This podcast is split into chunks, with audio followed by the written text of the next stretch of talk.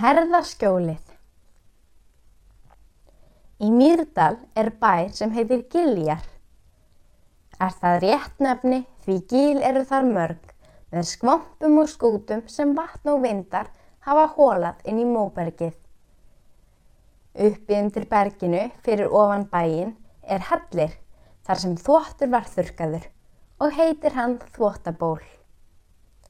Það var um 1880 að stúlka sem hétt Cecilia, kölluð Setta, var vinnukona á Giljum.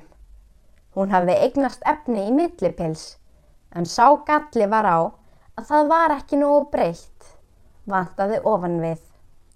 Settu langaði ósköp til að koma sér upp nýja millipilsunu fyrir jólinn en sá engin ráð til þess. Þá var engin verslun komin í vík og nöðsinn er víða af skortnum skamti og var sett á orðin vonlus um að geta komið flíkinni upp. Þá var það einn morgun í byrjun desember að setta fer upp í þvottaból.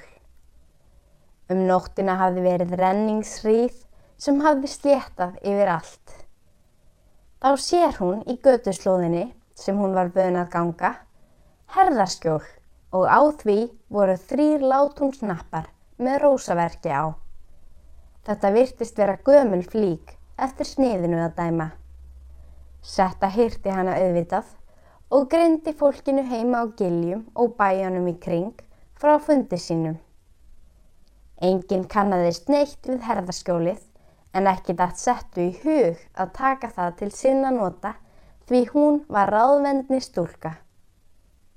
Þá dreymdi hana eina nótt konu sem kom til hennar og sagði að hún skildi ekki hafa áhyggjur af eignaréttinum yfir flíkinni, heldur nota sér hana sem best. Og hún bætti því við að það skildi verða henni að góðu.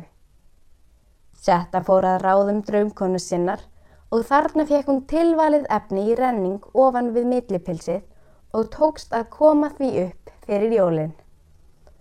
Svo haldgótt var efnið að meira en 20 árum síðar Þegar hún var búin að slíta tveimur millipilsum þá var þessi renningur ofan við þriðja pilsið og enn heill.